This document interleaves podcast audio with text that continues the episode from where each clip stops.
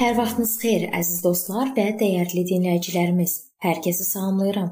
Mənim adım Sona və sizi Allahla 5 dəqiqə adlı podkastımızda xoş gördüm.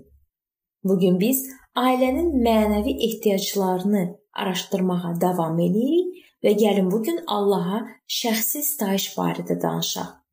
Və gəlin bunun bir neçə məqamına toxunaq. Allaha şəxsi sitayiş. Onunla şəxsi münasibətləri heç nə əvəz edə bilməz. Valideynlik borcunu yerinə yetirmək üçün hər gün Allahın qüvvətinə ehtiyac duyuruq. Günah üzərində qələbə qazanmaq və ailəyə başçılıq etmək üçün, müdrikliyə sahib olmaq üçün bütünlüklə səmavi atamıza etibar etməliyik. Atalar, siz həmçinin arvadlarınızın və övladlarınızın Allahla ünsiyyət qurmaları üçün asudə vaxtlarının olmasına görə məsuliyyət daşıyırsınız. Siz uşaqlarınız üçün Allahla ünsiyyət məsələsində canlı nümunə olmalısınız. Növbəti Allaha ailəvi sitayiş. Heç bir şey ailəvi ibadəti əvəz edə bilməz. Gündəlik olaraq ailəvi şəkildə Allah kəlamını oxuyacağınız və dua edəcəyiniz vaxtı təyin edin. Atalar, nəyi oxuyacağınızı əvvəlcədən seçin. Oxuduğunuz barədə ailənin hər bir üzvünün nə düşündüyünü soruşun. Balaca uşaqlara sadə müqəddəs kitab həqiqətlərini öyrətmək və onların suallarını cavablandırmaq böyük savabdır. Müqəddəs kitabın birgə qiraəti zamanı yaşca böyük uşaqların suallarını cavablandırmaq imkanı böyük sevinc bəxş edir. Belə sual-cavablar qarşılıqlı olaraq sizi ilhamlandıracaq. Uşaqlarınızın daxili aləminin və mənəvi inkişaflarının göstəricisi olacaq. Bu qızıldan qiymətli vaxtı müqəddəs kitabdan oxuduğunuz mətnlərin işarə etdiyi ailənizin ayrı-ayrı mənəvi ehtiyaclarının ödənilməsinə həsr edin.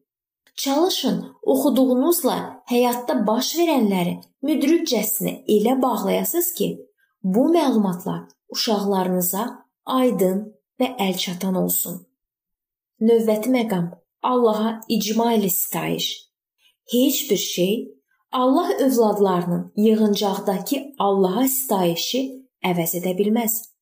Biz digər sədaqətli imanlarla birgə yığıncaqlar təşkil etməli və Allahda gəzintimizdə düzəlişlər etmək və dəstəyə malik olmaq üçün yerli icmaya tabe olmalıyıq.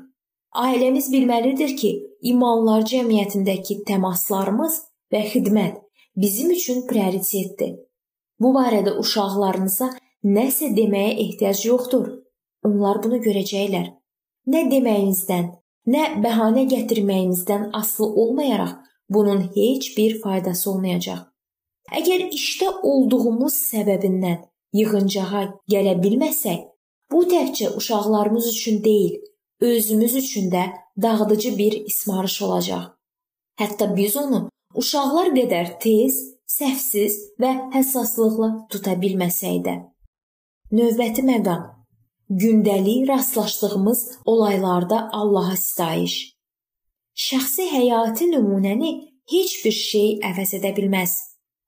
Uşaqlar Allah haqqında söhbətləri, onun fəaliyyəti, onun yolları və qanunları barədə dinləməyi sevirlər. Onlar bizim danışdığımız ruhani həqiqətlərə sadə imanla və tam hazır vəziyyətdə cavab verirlər. Uşaqlarımızı yaradana tərəf yönəltmək üçün gündəlik əlimizə düşən fürsətdən tam olaraq yararlanırıqmı? Gəlin bu barədə düşünək və mövzunu növbəti görüşümüzdə araşdırmağa davam eləyək.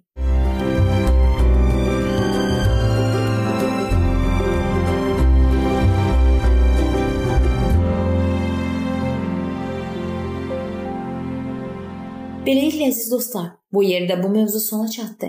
Hər zaman olduğu kimi sizi dəvət edirəm ki, bizim podkastlarımızı Facebook səhifəmizdən və YouTube kanalımızdan dinləməyə davam eləyəsiniz. İndi isə mən sizinlə sağollaşıram və növbəti görüşlərdə görmək ümidi ilə sağ olun, Salamat qalın.